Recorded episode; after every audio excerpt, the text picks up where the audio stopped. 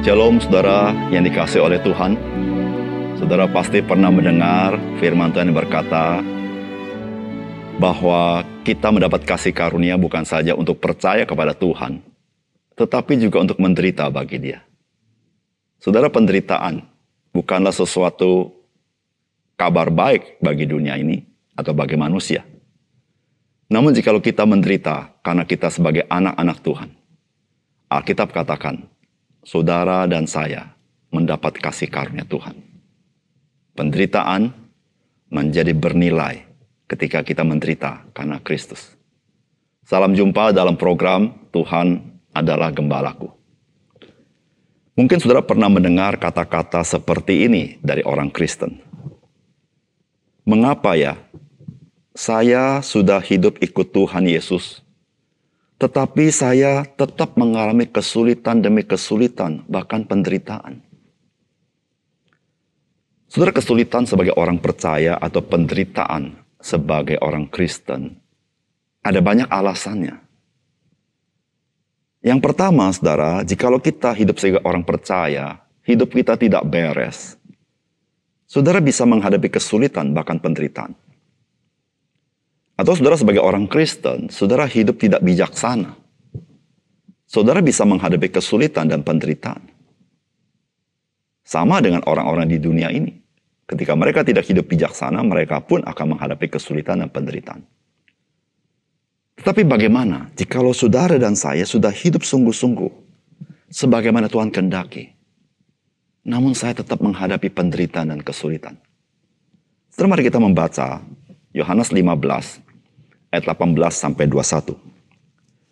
Jikalau dunia membenci kamu, ingatlah bahwa ia telah lebih dahulu membenci aku daripada kamu. Sekiranya kamu dari dunia, tentulah dunia mengasihi kamu sebagai miliknya. Tetapi karena kamu bukan dari dunia, melainkan aku telah memilih kamu dari dunia, sebab itulah dunia membenci kamu. Ingatlah apa yang telah kukatakan kepadamu. Seorang hamba tidaklah lebih tinggi daripada tuannya Jikalau mereka telah menganiaya aku, mereka juga akan menganiaya kamu. Jikalau mereka telah menuruti firmanku, mereka juga akan menuruti perkataanmu. Tetapi semuanya itu akan mereka lakukan terhadap kamu karena namaku. Sebab mereka tidak mengenal dia yang telah mengutus aku.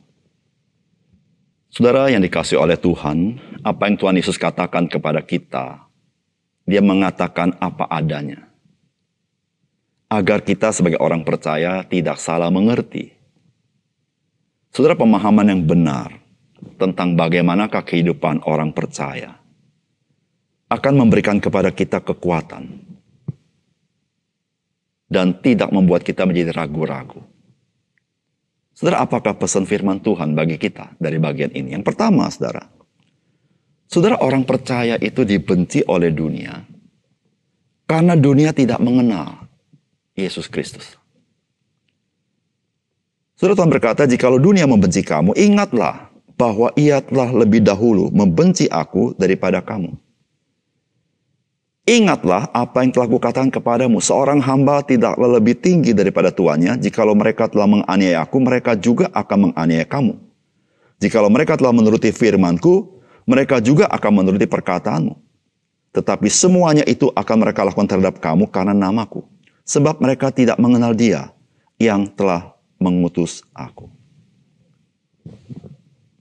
Saudara Tuhan Yesus berkata dua kali, ingatlah di dalam bagian ini. Saudara apa yang kita ingat? Saudara, dunia telah membenci Yesus terlebih dahulu. Dan jikalau dunia membenci kita sebagai orang percaya, dan sebagai orang percaya itu, Saudara ingatlah bahwa dunia telah membenci Tuhan Yesus. Dan ingatlah yang kedua adalah seorang hamba tidak lebih tinggi daripada tuannya. Saudara, apa yang terjadi pada tuannya itu terjadi juga dengan hambanya. Saudara yang kasih dalam Tuhan. Ketika saudara dan saya menghadapi kesulitan karena kita hidup di dalam Kristus, kita mengikut Dia, ada banyak aspek dalam hidup kita, kita menghadapi kendala, kita menghadapi tantangan, kita menghadapi tentangan, atau mungkin orang dengan sengaja berbuat sesuatu yang tidak baik kepada kita karena kita adalah murid Tuhan Yesus.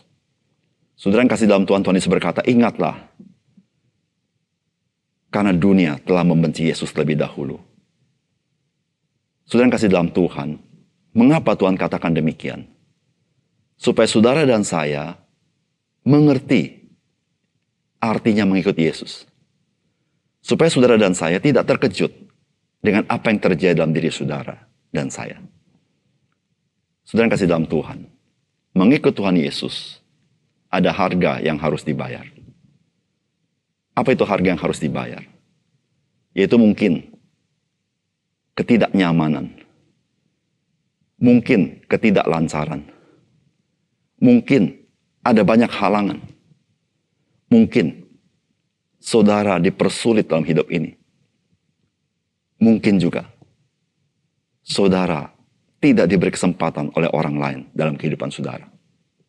Atau saudara dikucilkan oleh orang lain karena iman saudara kepada Kristus. Saudara yang kasih dalam Tuhan, Tuhan berkata, ingatlah bahwa dunia telah membenci Yesus. Dan ingatlah, seorang hamba tidak lebih tinggi daripada tuannya. Dan apa yang terjadi pada tuannya, maka hambanya pun akan mengalami seperti itu.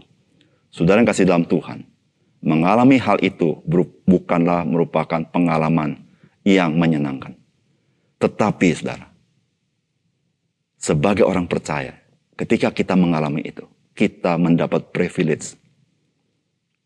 Karena kita boleh mengalami apa yang Yesus pernah alami. Saudara-saudara yang kasih dalam Tuhan, di situlah kita bersuka cita. Karena kita boleh mengalami demi Yesus Kristus yang telah mati bagi kita. Oleh karena itu, kesulitan apa pun yang saudara hadapi, hadapi dengan pengharapan di dalam Tuhan. Yang kedua, saudara ingatlah bahwa orang-orang percaya itu bukan dari dunia ini dan bukan milik dunia ini. Inilah perkataan Tuhan Yesus, sekiranya kamu dari dunia, tentulah dunia mengasihi kamu sebagai miliknya. Tetapi karena kamu bukan dari dunia, melainkan aku telah memilih kamu dari dunia, sebab itulah dunia membenci kamu. Saudara, satu hal yang perlu kita pahami dan perlu kita renungkan dan kita yakini dalam hati kita. Orang-orang percaya bukan dari dunia ini. Heran bukan kalimat ini? Bukankah saya ini lahir di dunia? Apakah ini perkataan-perkataan yang sifatnya lip service dari Tuhan Yesus? Tidak demikian. Alkitab mengatakan kepada kita bahwa Allah telah memilih kita di dalam Kristus sebelum segala sesuatu dijadikan oleh Dia. Oleh karena itu, saudara, ketika Tuhan berkata, "Kamu bukan dari dunia," itu dikatakan betul-betul bahwa orang percaya bukan dari dunia. Karena bukan kita yang memilih Tuhan, Tuhan memilih kita, dan Dia memilih kita bukan saat kita telah lahir di dunia ini sebelum kita bereksistensi di dunia ini. Dia telah memilih kita di dalam kekekalan. Dan dia berkata, orang percaya bukan dari dunia ini.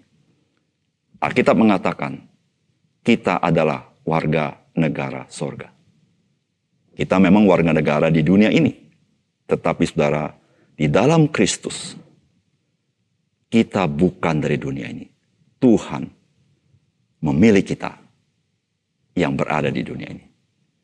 Dan Tuhan mengatakan kepada kita, ingatlah orang percaya, engkau bukan milik dunia ini. Engkau adalah milik Tuhan. Saudara yang kasih dalam Tuhan ketika berbicara dunia, dunia selalu menjadi kontra kepada Tuhan. Dunia selalu melawan Tuhan. Saudara termasuk dunia membenci akan orang-orang yang menjadi miliknya.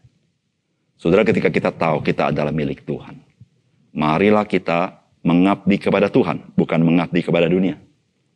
Ketika kita tahu kita milik Tuhan, bukan milik dunia. Marilah kita hidup sebagaimana nilai-nilai kerajaan Allah yang Allah rindukan dari miliknya. Ketika kita tahu kita adalah milik Tuhan, bukan milik dunia ini. Saudara yang kasih dalam Tuhan. Kita tidak perlu khawatir jika dunia membenci kita karena kita adalah milik Tuhan. Dia yang memelihara kita. Saudara ingatlah bahwa orang-orang percaya bukan dari dunia dan bukan milik dunia. Mari kita berdoa. Bapak surga terima kasih untuk kebenaran firman-Mu. Biarlah firman-Mu sekali lagi mencelikkan mata rohani kami bahwa hidup di dunia ini adalah hidup yang sementara. Dan kami bukan dari dunia dan kami bukan milik dunia ini. Karena Tuhan sudah memilih kami sejak sebelum segala sesuatu dijadikan. Ya Tuhan terima kasih.